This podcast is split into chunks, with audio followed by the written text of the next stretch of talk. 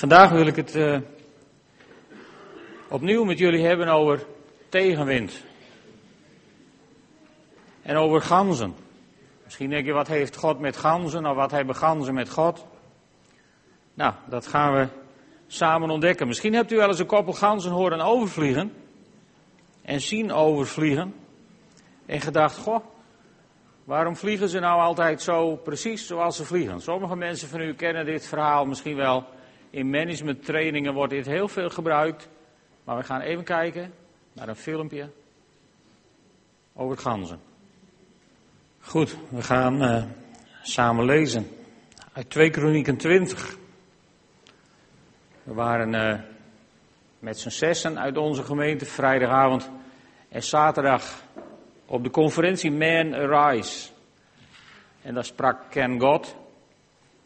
En die zei tegen de mensen, take your Bible. And if you don't have a Bible, find a Christian. Toen dacht ik, dat durf ik thuis niet te zeggen. Maar goed, 2 Kronieken 20.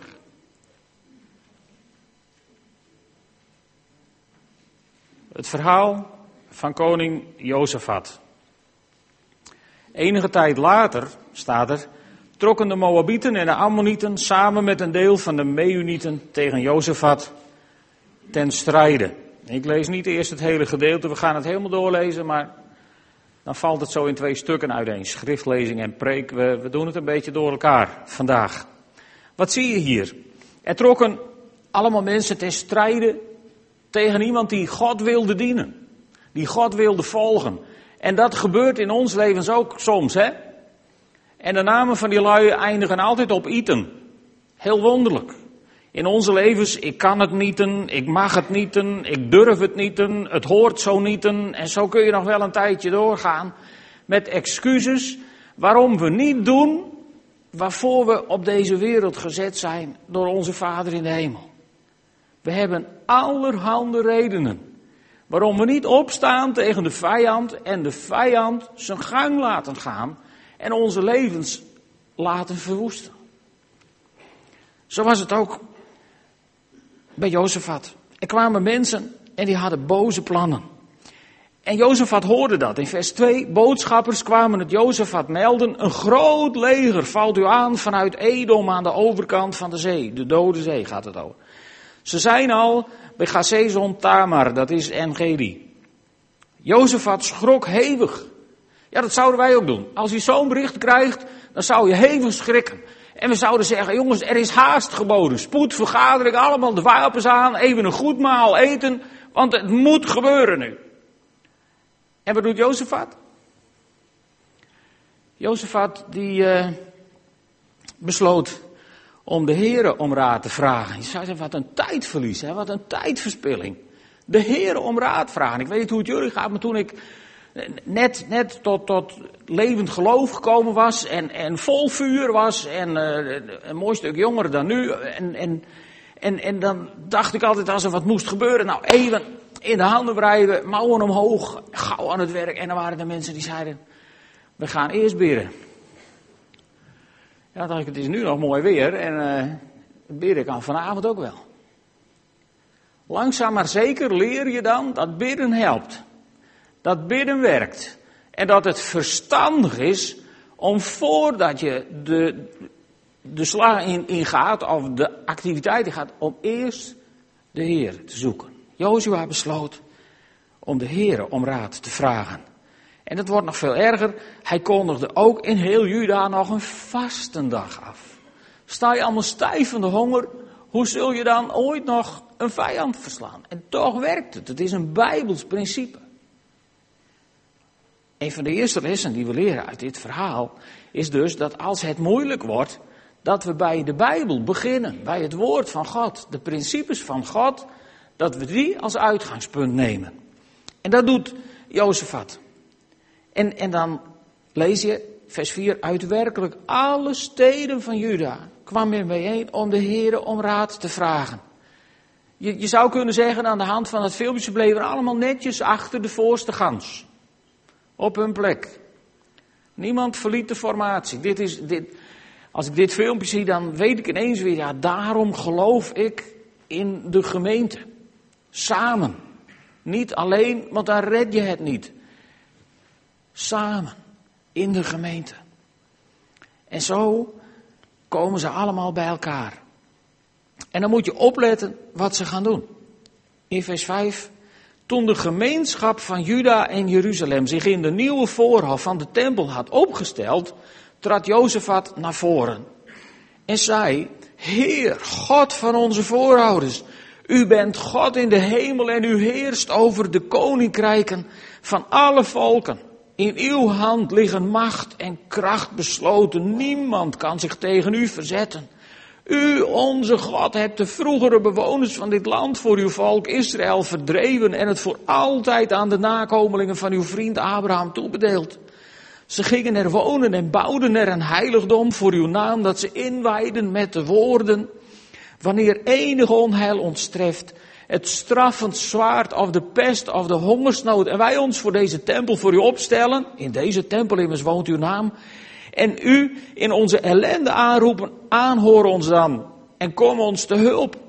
Nu worden we aangevallen door de bewoners van Ammon, Moab en het Seirgebergte, de gebieden waar de Israëlieten tijdens hun uittocht uit Egypte van u niet doorheen mochten trekken. En die ze daarom voorbij getrokken zijn en niet hebben vernietigd. En als dank daarvoor trekken ze nu tegen ons op om ons te verdrijven uit uw eigen land dat u ons in bezit hebt gegeven. Wat een wonderlijk gebed. Eerst gaan ze, ze komen niet meteen ter zake. Hè? Kijk eens heer, dit is het probleem, los het op. Nee, ze gaan eerst God gewoon verheerlijken, de Heer loven en prijzen over de grote daden die hij heeft gedaan. En dan, dan, dan tippen ze even het probleem aan. En dan zeggen ze, Heer, ze willen, ze willen ons uit uw land verdrijven. Wonderlijk, wij zouden gezegd hebben, Heer, ze willen mij mijn grond afpakken of zo. Maar zij zeggen, Heer, ze willen, ze willen ons uit uw land verdrijven. Met andere woorden, volgens ons, Heer, hebt u eigenlijk een probleem. Wel slim eigenlijk, hè? Wel slim. Maar wat me opvalt is het vertrouwen in God, wat ze, wat ze eerst uitspreken. Dat lijkt een beetje op wat David doet in Psalm 23. Dat staat op het volgende plaatje. In Psalm 23 is ook zo'n psalm. En, en, en ik zal je vertellen waarom dat ineens zo belangrijk voor mij werd. Afgelopen week is, is Teke overleden. En uh, dinsdag geloof ik, of maand, maandag, kwam ik even. Maandag kwam ik er even. En toen was Hammy er ook. En toen hadden ze net samen Psalm 23 gelezen. In een situatie waarin je de dood in de ogen ziet. Menselijk gezien weet dat je niet weer beter wordt. Pijn lijdt. Waarin het voor iedereen moeilijk is. En dan lees je deze versen. De Heere is mijn herder. Het ontbreekt mij aan niets. Dan denk je, hoe kun je dat zeggen op zo'n moment? Hoe kun je het, hoe kun je het binnenkrijgen? De Heer is mijn herder, het ontbreekt mij aan niets. Hij laat mij rusten in groene weiden. Hij voert mij naar vredig water. Hij geeft mij nieuwe kracht en leidt mij langs veilige paden tot eer voor zijn naam. Er was niks veiligs aan het pad wat teken ging. Het was niet om aan te zien. En hij was zo getroost door deze psalm. En natuurlijk die versen die dan komen. Al gaat mijn weg door een donker dal. Ik vrees geen gevaar, want u bent bij mij. Uw stok en uw staf, zij geven mij moed. U nodigt mij aan tafel. Voor het oog van de vijand. U zalft mijn hoofd met olie. Mijn beker vloeit over.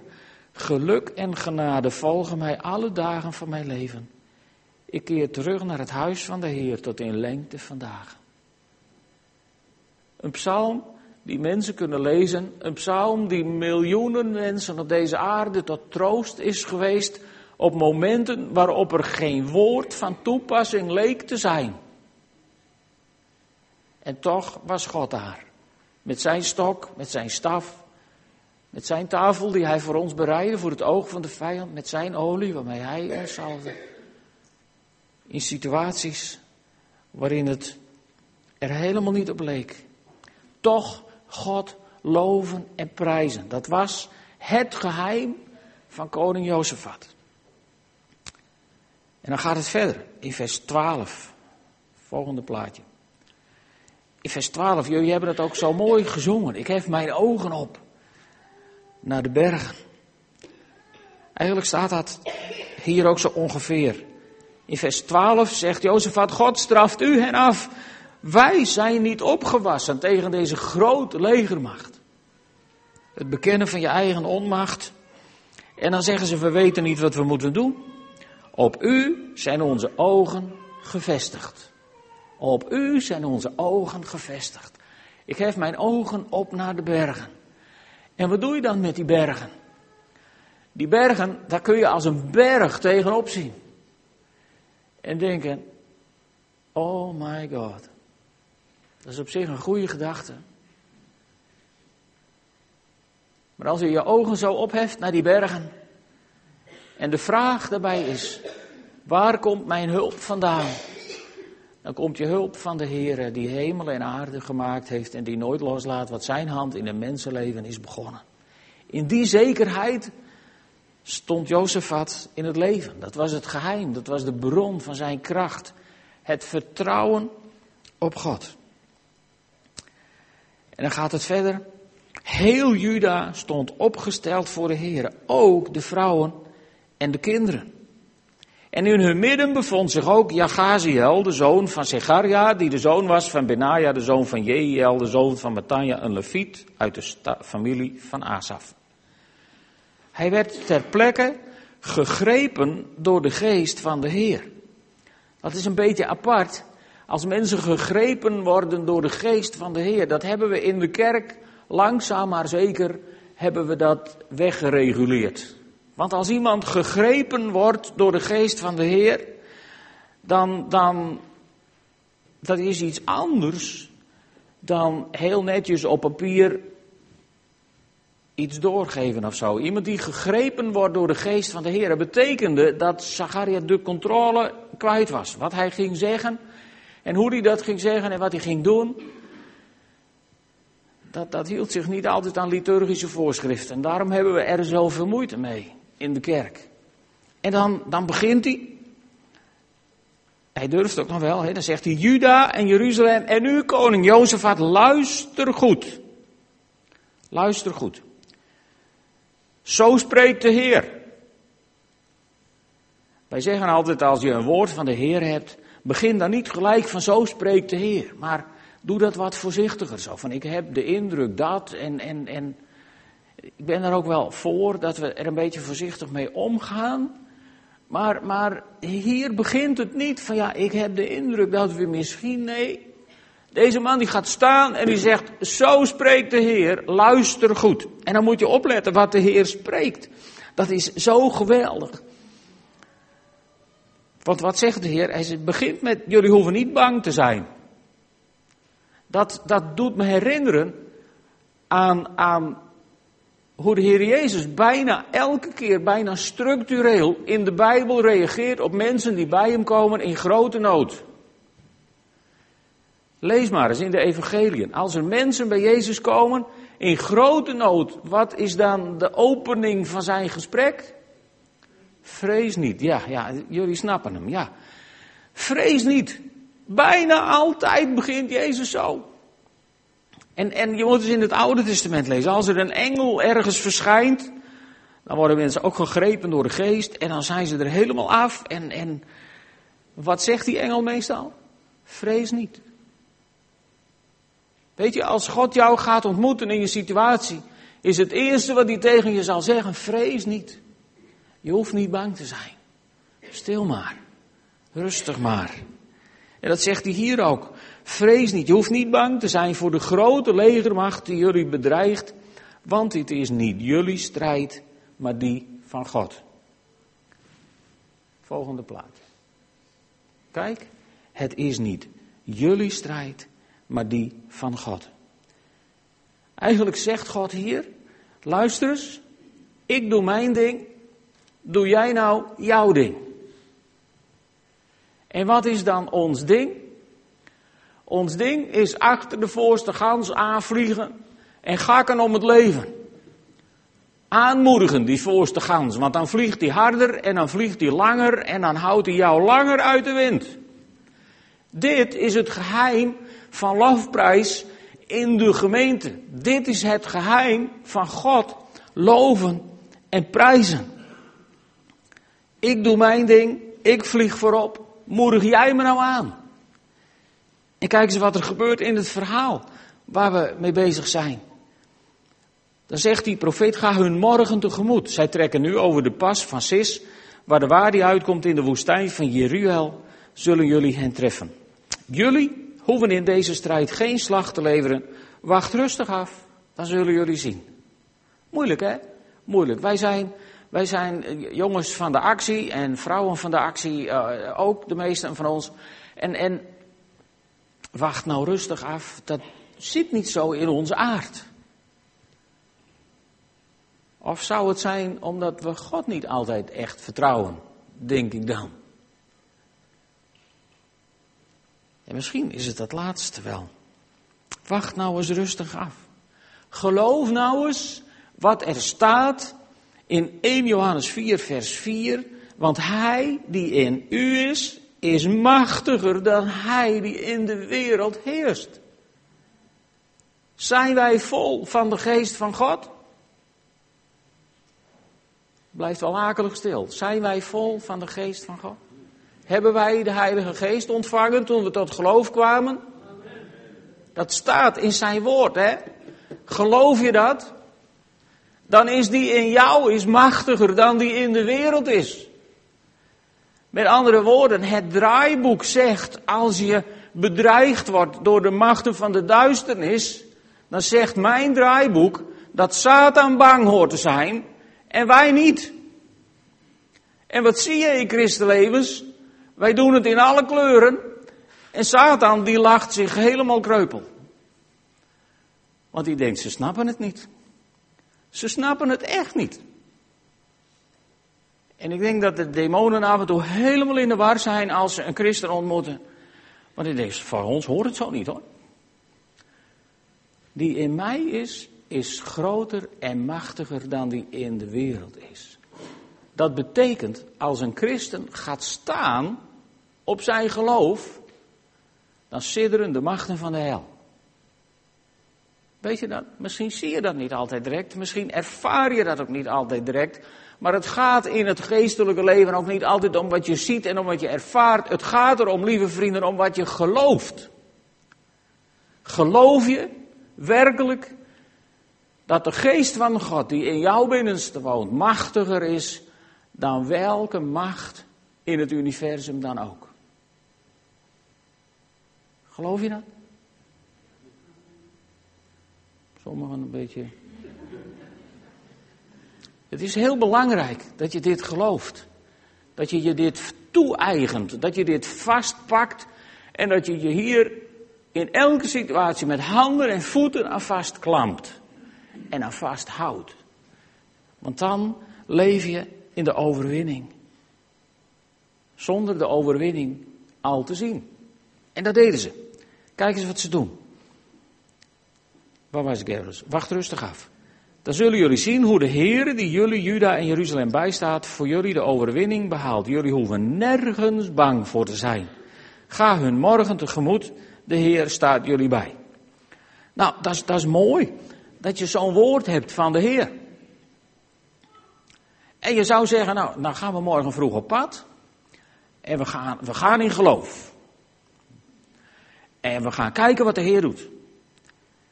En misschien maak je al een afspraak van als de Heer ons de overwinning heeft gegeven, gaan we een groot aanbiddingsfeest vieren. Een beetje wat Jacob deed. Hè? Jacob die komt bij Bethel, die heeft daar geslapen en die heeft daar een prachtige belofte van de Heer gehad. En dan zegt hij tegen de Heer, nou als, als, stel dat, als u doet wat u beloofd hebt. En ik kom hier terug, dan zal ik u de tiende geven van je moet maar eens lezen. Jacob is dan nog heel voorwaardelijk. Als het waar is, dan. Jozef had niet, was weliswaar een nakomeling van Jacob, maar Hij was wat verder doorontwikkeld, zou je kunnen zeggen. Jozefat boog zich diep voorover en heel Juda en Jeruzalem knielden neer om de Heere hulde te brengen. Zij geloofden God en zij loofden en prezen zijn naam om het woord wat God hen had gegeven. Durven wij God nog te prijzen om zijn woord? Of moeten wij eerst resultaat zien? Moeten wij eerst zien dat God doet wat hij gezegd heeft? Jozefat deed dat niet. Kijk in vers 19, daar zegt hij, en de levieten uit de familie van Korach, die weer behoren tot de familie van Kehat, zongen staande met luide stem. Jullie hebben ons dat heel leuk voorgedaan vandaag, staande met luide stem. Niemand klaagde over de decibellen, met luide stem verheerlijkte ze God. Ze zongen de lof van de Heere, de God van Israël. En de volgende morgen vroeg gingen ze op weg naar de woestijn Tekoa. Prachtig. En dan zegt Jozefat, die geeft hun een boodschap mee. Bij het vertrek trad Jozefat naar en hij sprak hen als volgt toe. Juda en Jeruzalem, luister, vertrouw op de Heere en u zult stand houden. Lange tijd later heeft de apostel Jacobus dat nog eens een keer opgeschreven in een brief aan een gemeente. In Jacobus 4, vers 7. Onderwerp u dus aan God en verzet u tegen de duivel, dan zal die van u vluchten. Weer die belofte, die in jou is, is meer dan die in de wereld is. Je kunt het, want als God tegen ons zegt, verzet je tegen de duivel, dan bedoelt God daarmee, hé hey vriend luister, dat kun jij, want dat heb ik je gegeven. God vraagt geen dingen van mensen die mensen niet kunnen. Als God je wat vraagt, dan heeft hij je allang de capaciteiten geschonken om dat te kunnen. En dan zegt Jozefat, vertrouw op zijn profeten en uw welslagen is verzekerd. In overleg met het volk wees hij zangers aan om de lof van de Heer te zingen. Zij trokken voor de bewapende legermacht uit de heilige glorie prijzend met de woorden, loof de Heere, eeuwig duurt zijn trouw. jullie hebben een leuke positie. Zangers van de Heere. Jullie mogen voor de schutters uit. Wij zouden zeggen, dat is geen slimme plek. Doe de tanks maar voor, de panzervoertuigen er maar voor en dan sluipen wij daar wel achteraan. Maar jullie mogen voor. En, en, en is dat erg? Nee, want wat staat er dan in vers 22? Zodra zij jubelend hun lofzang aanhieven, zorgde de Heere voor de overwinning. Daar gaan we straks mee verder. Volgende plaatje. Wat, wat betekent dit eigenlijk? Hier wil ik heel even bij stilstaan. Wat werd er voor opgestuurd? Mensen die God loven en prijzen. Lofprijs, lieve vrienden, is zo ongelooflijk belangrijk in het leven van een christen. Dat ik er nooit genoeg over kan preken. In het boek Richteren, dat begint heel mooi. Het boek Richteren. Jozua is dood. De leider is weggevallen. Maar ze hebben nog lang het hele land niet in bezit genomen. En dan staan ze daar met elkaar van hoe nu verder. Dat kun je soms zo hebben hè, in een mensleven. Dat je ergens bent geland en dan denk je, en hoe nu verder? En dan vragen ze de heren, Richteren 1, vers 1, na de dood van Jozua raadpleegden de Israëlieten de Heer, wie van ons moet als eerste de strijd aanbinden met de Canaanieten? En wat zegt God dan? De Heer antwoordde, Juda moet als eerste oprukken, hun geef ik het land in handen. Waarom nou Juda? Sommigen horen dit misschien voor de zoveelste keer, maar dit is voor mij zo'n belangrijk stukje in de Bijbel. Wie is Juda? Een zoon van Jacob. Ja, dat is waar. Maar er zit wat meer aan Juda.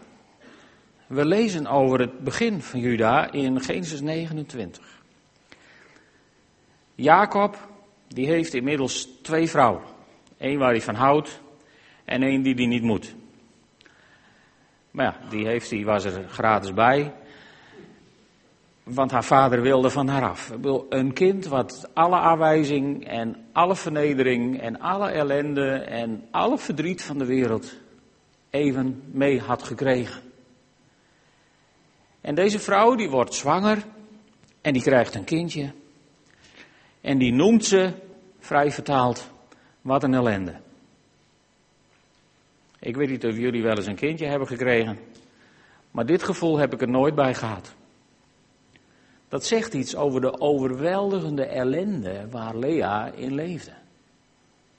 Want ze noemt hem, kijk maar, het staat in de Bijbel. De Heer heeft gezien wat ik te verduren heb. In de NBG-vertaling, de Heer heeft mijn ellende aangezien. Dus ze krijgt weer een kindje. En ze zegt bij de naam die ze hem geeft, de Heer heeft gezien dat mijn man niet van me houdt. Ze krijgt weer een kindje. En die noemt ze, nou misschien zal hij deze keer van me houden. Proef je, proef je iets van de ellende in dit mensenleven? Eigenlijk is het met geen pen te beschrijven. En dan krijgt ze weer een kindje. En dan moet je opletten, de Bijbel zegt niks, er staat geen apart vers tussen of zo. De Bijbel zegt niks over het veranderen van haar situatie. Het enige wat je ziet, is dat niet haar situatie is veranderd, haar instelling is veranderd. Misschien heeft ze wel een ontmoeting met de Heilige Geest gehad of zo, dat weten we niet. Maar dan staat daar in vers 35, nog een keer werd ze zwanger en bracht een zoon ter wereld. Nu zal ik de Heere loven, riep ze uit en ze noemde hem Jehuda. Juda hebben wij daarvan gemaakt. Nu zal ik de Heere loven. Dat heeft volgens mij haar leven voor de rest van de tijd die ze hier op aarde was veranderd.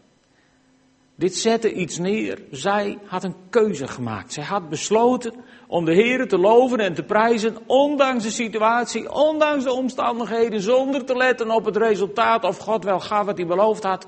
Nu zal ik de Heer loven. En daarom staat Juda in de Bijbel synoniem voor het begrip lofprijs en aanbidding. En overal in de Bijbelverhalen waar je Juda tegenkomt, leer je daar principes over. Juda. En in Richteren, daar zegt God, en Juda moet als eerste optrekken, want hun geef ik het land in handen.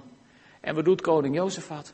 Die stuurt de zangers, degenen die de Heeren loven en prijzen, voor de troepen uit. En wat is het resultaat? Nou, er komt geen zwaard aan te pas. Ook geen geweer, geen kanon, van alles niks. Want wat gebeurt er? Dan pakken we hem weer op. Vers 22. Zodra ze jubelend hun lofzang aanhieven, zorgde de Heer ervoor dat de Ammonieten en de Moabieten en de bewoners van het Seirgebergte die Juda wilden aanvallen, vanuit verdekte stellingen werden belaagd en zo werden ze verslagen. Door wie? Dat weten we niet. Dat hoeven we ook niet te weten. Dat was Gods probleem, Gods oplossing. Hij had toch gezegd, het is mijn strijd. Nou, dat deed hij nu. En van de weeromstuit gingen ze, dat is frisisme misschien wel, maar dat doet er niet. Daar vandoor gingen ze, gingen ze met elkaar in de slag. Hadden ze elkaar bij de lurven en ze hielpen elkaar allemaal om zeep. Het lijkt een beetje op wat in zekere bevolkingsgroepen op deze aarde gebeurt, die zo fel anti-Israël zijn. Hè? Je, moet dat, je moet dat zien. In radicale islamitische landen, daar brengen al die radicale groepen, die brengen meer geloofsgenoten om zeep dan christenen en joden. Zou dat nou toeval zijn?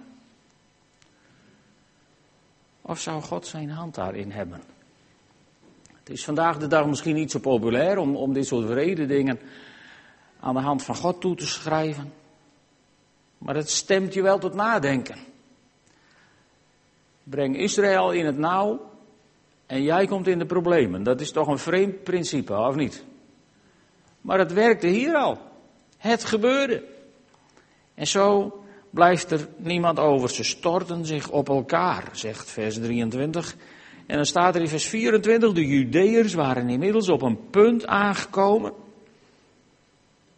waar, de woestijn, waar ze de woestijn konden overzien. En toen ze uitkeken naar het leger, zagen ze dat de grond bezaaid was met lijken. Niemand was ontkomen.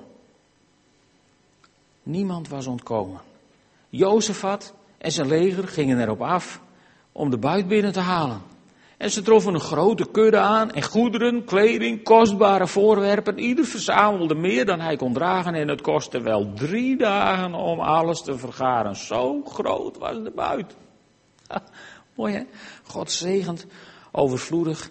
En de dag erop kwamen ze bijeen in Emek Beracha.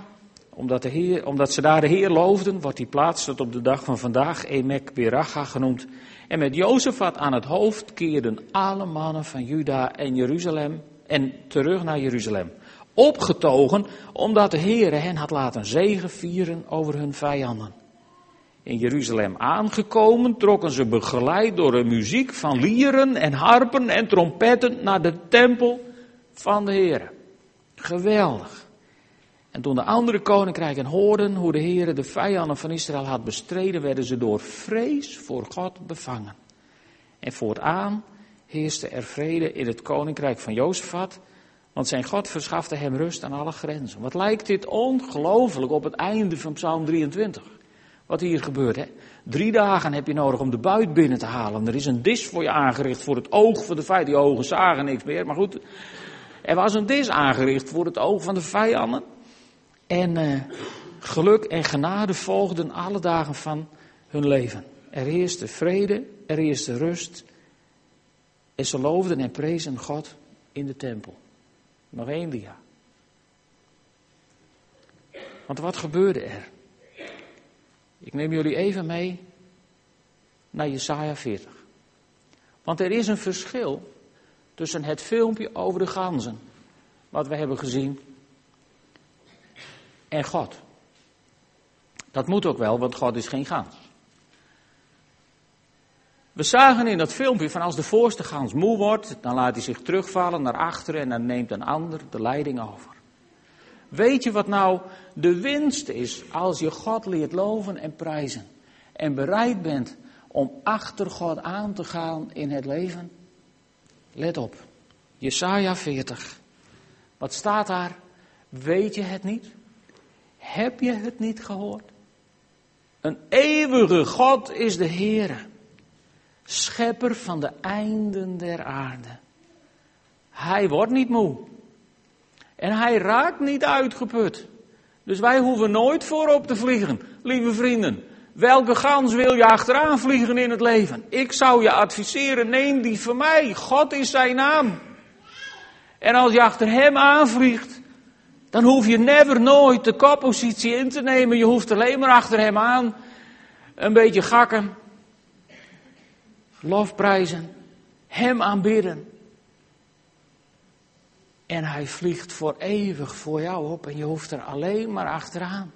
In zijn slipstream, gedragen op de kracht van zijn vleugels. Hij wordt niet moe. Hij raakt niet uitgeput. Zijn wijsheid is niet te doorgronden. En dan wordt het weer ingewikkeld. Want wij willen die God altijd begrijpen. Maar ik weet niet of jullie ervaringen in je leven hebben. Ik heb genoeg ervaringen in mijn leven. Waarin ik God werkelijk absoluut helemaal niet snapte. En zijn kracht ervoer als nooit tevoren. Je ziet mensen aan het eind van hun leven komen. En dan denk je, heren, hij is veel te jong. En, en, hij kan nog niet gemist worden. En hij zou hier nog heel lang moeten blijven. En, wij hebben honderdduizend redenen om God uit te leggen waarom wat hij aan het doen is niet kan. En aan de andere kant is er zoveel kracht van God in zulke situaties. Dat je erbij staat en er naar kijkt. En denkt, hoe is het in de wereld mogelijk? En weet je, zo kijkt de wereld er ook naar. En die snapt er helemaal niks van. En wij mogen het snappen. Zijn wijsheid is niet te doorgronden. Daarom zegt God ook, luister eens vriend, het is mijn strijd, niet jouw strijd. Dus het is mijn probleem. Maak je daar nou niet druk om. Ik doe mijn ding, ik vlieg voorop. Doe jij jouw ding. Vlieg netjes in mijn slipstream. Gak alsof je leven ervan afhangt. God loven en prijzen is de krachtbron van je leven. En misschien hoor jij nog bij die categorie die eigenwijs is en het af en toe zelf wil proberen. Ik weet hoe dat is, ik heb ook bij die categorie gehoord. En langzaam maar zeker door schade en schande geleerd dat het je plek niet is om even naast God te vliegen. Voor hem uit zal ik het maar niet eens over hebben. Je plek is netjes in de rij achter God. Hem loven en prijzen. En ontdekken dat Hij jou op de kracht van Zijn vleugels daar brengt waar je zonder Hem nooit was gekomen. Mag ik jullie vragen op te staan, samen met mij te bidden.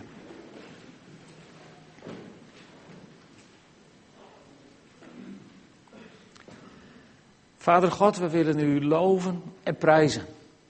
We willen u de eer geven, Heer, die u toekomt. We kunnen u de eer niet eens geven die u toekomt. Maar we willen u loven en prijzen met alles wat in ons is. Heer, ik wil u bidden, leid ons door uw Heilige Geest zo dat we leren van de ganzen. En op onze plek blijven. In de slipstream van uw geest. Heer, zo wil ik u uitnodigen om te komen met uw geest en uw werk in ons te doen. Heren, waar mensen worstelen met vragen of dingen, waar mensen moeite hebben met dingen, daar bid ik u, Heer, om op dit moment te waaien met de geest van uw liefde. Met die woorden die u gebruikt in dit verhaal, wees niet bang. De woorden die u, toen u in het vlees op deze aarde was, telkens weer gebruikte. Vrees niet. Vrees niet. Leer ons, Heer, om niet te vrezen. Maar vol vertrouwen onze ogen op te heffen naar de bergen, waar onze hulp zeker vandaan komt.